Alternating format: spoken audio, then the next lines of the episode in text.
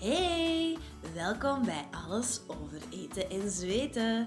Jouw podcast over eten en zweten natuurlijk.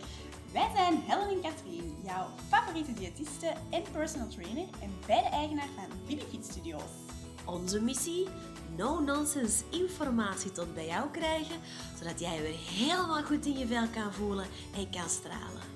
Welkom bij de Bibi-familie, de familie van de niet-diëters, de pijnvrije sporters en de happy door het leven jubilaars. Veel luisterplezier! Hey, welkom bij een nieuwe aflevering.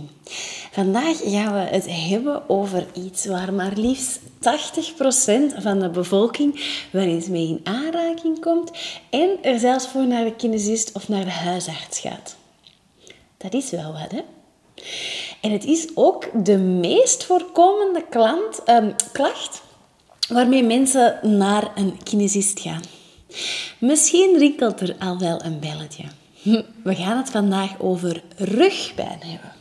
En rugpijn is iets waar eigenlijk, als ik ook kijk naar ons klantenbestand, ik denk dat ongeveer 70 of 80 procent wel start bij Bibi en zegt, als ik vraag, heb je ergens pijn?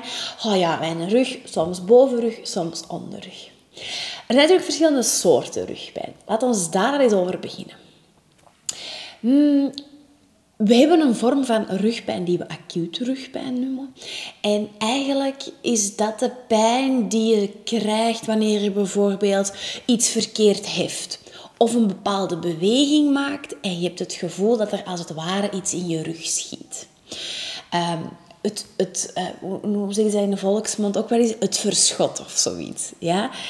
Um, het is een acuut, op een bepaald moment krijg je eigenlijk heel veel pijn uh, door een verkeerde beweging. Langs de andere kant hebben we de meer zeurende rugpijn. Dat kan zowel bovenrug als onderrug zijn, maar dat is vaak als we uh, lang wandelen, lang in dezelfde positie zitten, um, lang recht staan. Misschien is dat wel iets wat jij herkent en dat is waarom we het over dat stukje rugpijn vandaag even gaan hebben. En jij denkt nu, ah, Katrien, ben personal trainer. Jij gaat mij nu vertellen welke oefeningen ik moet doen en dan uh, is dat weer klaar. Jammer genoeg is uh, het, het verhelpen van rugpijn vaak niet iets dat we maar met wat oefeningen kunnen oplossen. En er is een heel interessant wetenschappelijk onderzoek gedaan um, door Dr. O'Keefe. Die heeft onder andere in 2016 en ondertussen ook in 2020 nog eens opnieuw gedaan.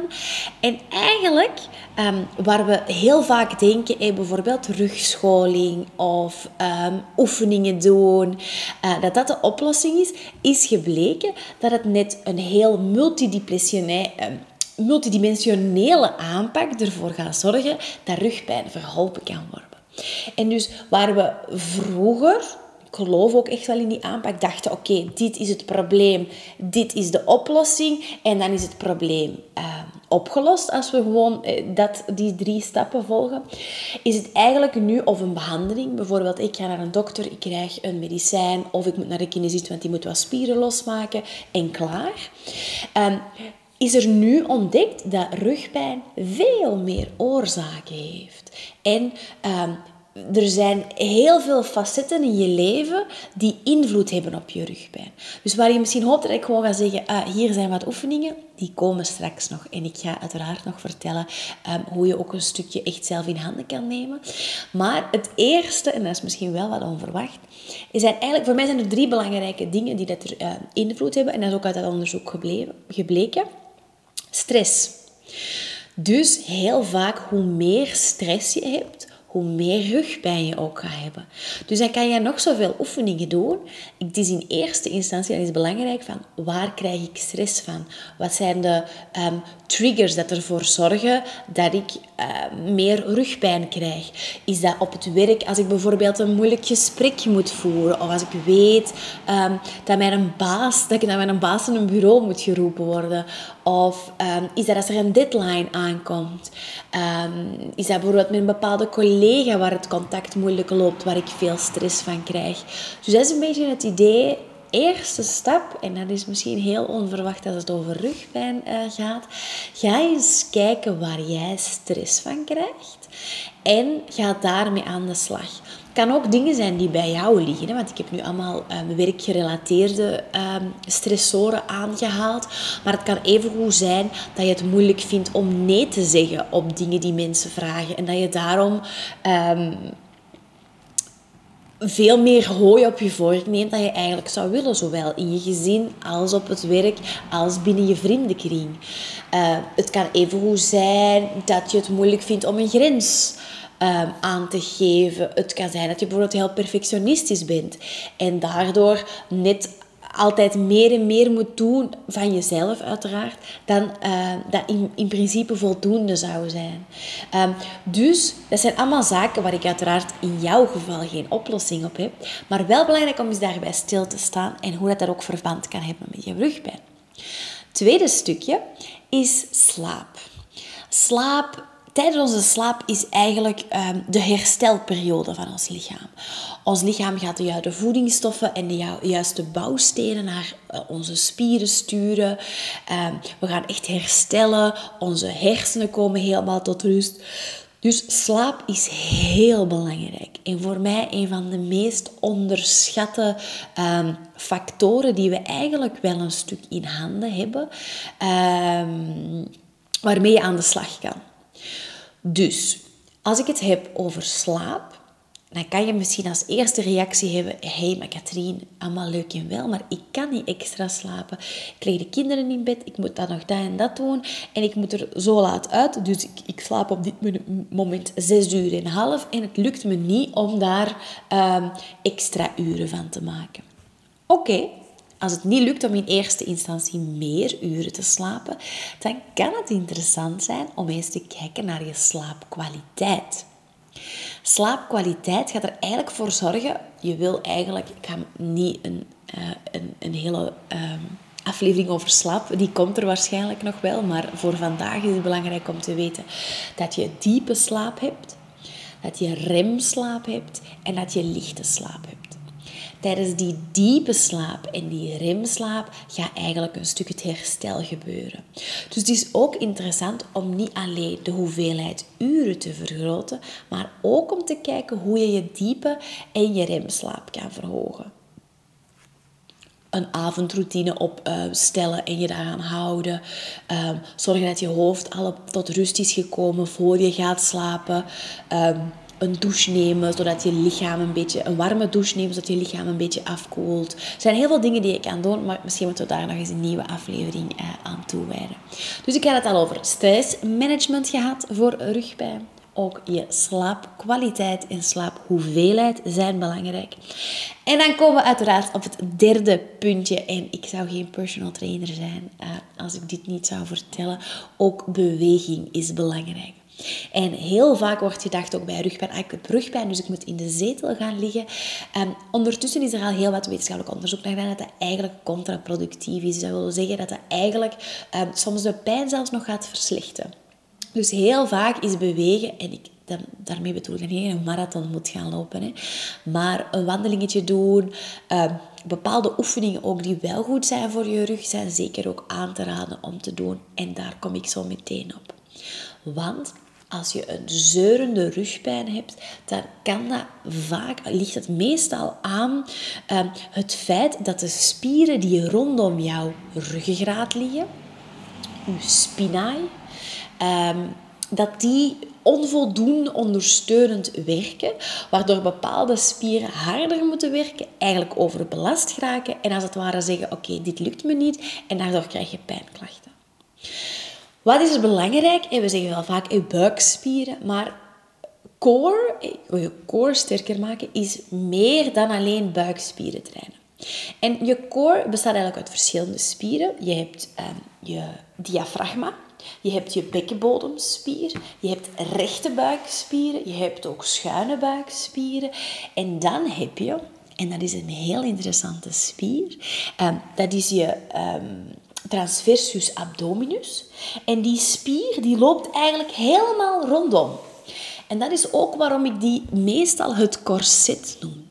Als je in staat bent om je corset goed en correct aan te spannen, dan gaat je ruggengraat en je spinaai ook echt ehm, ontlast worden.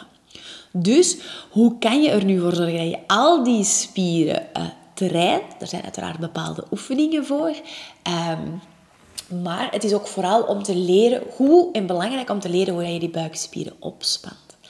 En ehm, heel vaak als je mensen hun buikspieren opspannen, of als ze buikspieroefeningen doen, dan gaan ze dat doen op die rechte buikspieren, crunches bijvoorbeeld. Terwijl je core eigenlijk gemaakt is om een soort van corset te vormen en ehm, ondanks je lichaam bewegingen gaat doen, recht te blijven en ondersteuning te geven. En dus de functie van je core, en het zijn even wat moeilijke namen, maar ik probeer ze even wat voorbeelden te geven, um, zijn antiflexie. Dat wil zeggen dat je de core ervoor zorgt dat je niet als een patattenzak in elkaar zakt. Um, anti uh, flexie anter extensie, extensie. Dat wil zeggen dat je eigenlijk de core ervoor zorgt dat je rug niet hol gaat worden. We hebben ook antilaterale flexie. Laterale flexie is dat je niet als een patattenzak in elkaar zakt naar opzij, dus naar links of naar rechts. En dan hebben we ook nog een antirotatie. Dat wil zeggen dat als jouw lichaam wilt bewegen, dat jouw core toch in staat is om als het ware als een blok recht te blijven. En daarom is het dus belangrijk om je core te trainen, niet in crunches, als in die, die rechte buikspier, maar net in al die beweegpatronen die ik net opgenoemd heb. En voor elk beweegpatroon heb ik een oefening voorzien voor jou.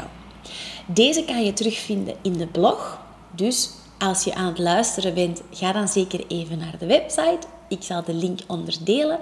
En ben je uh, op, in de blog zelf aan het kijken, dan vind je hieronder ook de video's die ervoor zorgen dat je core juist gebruikt wordt.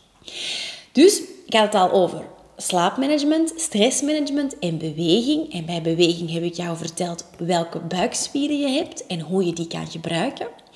Ook welke beweegpatronen ervoor zorgen dat die core sterker wordt. En wat is er nog belangrijk, en die vergeten we heel vaak, dat zijn onze bilspieren. Je bilspieren, je gluteus, die liggen als je kijkt naar je rug en daaronder heb je je bilspieren. Wat heel veel mensen niet weten, is dat deze bilspieren een heel belangrijke ondersteunende functie hebben voor de rug. Zijn die bilspieren niet sterk genoeg of kunnen ze onvoldoende steun geven? Ook hier gaat je rug op reageren. Dus, wat is er heel belangrijk? Core. Juist leren gebruiken, juist de spieren aanspannen. Kijk even naar de oefeningen en probeer die dagelijks of om de twee dagen te doen. Ook die bilspieren sterker maken. Die gaan ervoor zorgen dat je rug ondersteund wordt. En dan uiteraard slaapmanagement en stressmanagement. Ondertussen hebben wij gemerkt, als we op deze manier te werk gaan bij onze klanten, dat onze klanten die met rugpijn starten, gemiddeld tussen de drie à vier maanden later zonder rugpijn zijn. Je kan, er is een leven zonder pijn. En het is heel belangrijk om daarmee aan de slag te gaan. Ga naar een huisarts, ga naar een personal trainer, ga naar een um, kinesist, liefst in combinatie met osteopathie. Um, en als je vragen hebt over professionals um, in Antwerpen of in Mechelen, dan verwijzen wij uiteraard ook heel graag door naar iemand die jou kan helpen. Dus Ga ermee aan de slag. Bekijk het breder dan alleen je rug, want hoe harder je je focust op je rug, hoe harder en hoe minder snel je pijn uh, gaat verdwijnen. Dus focus je op alle andere aspecten, je core, je billen, je slaap en je stress. En ik hoop dat je ook vermindering krijgt van je rugpijn.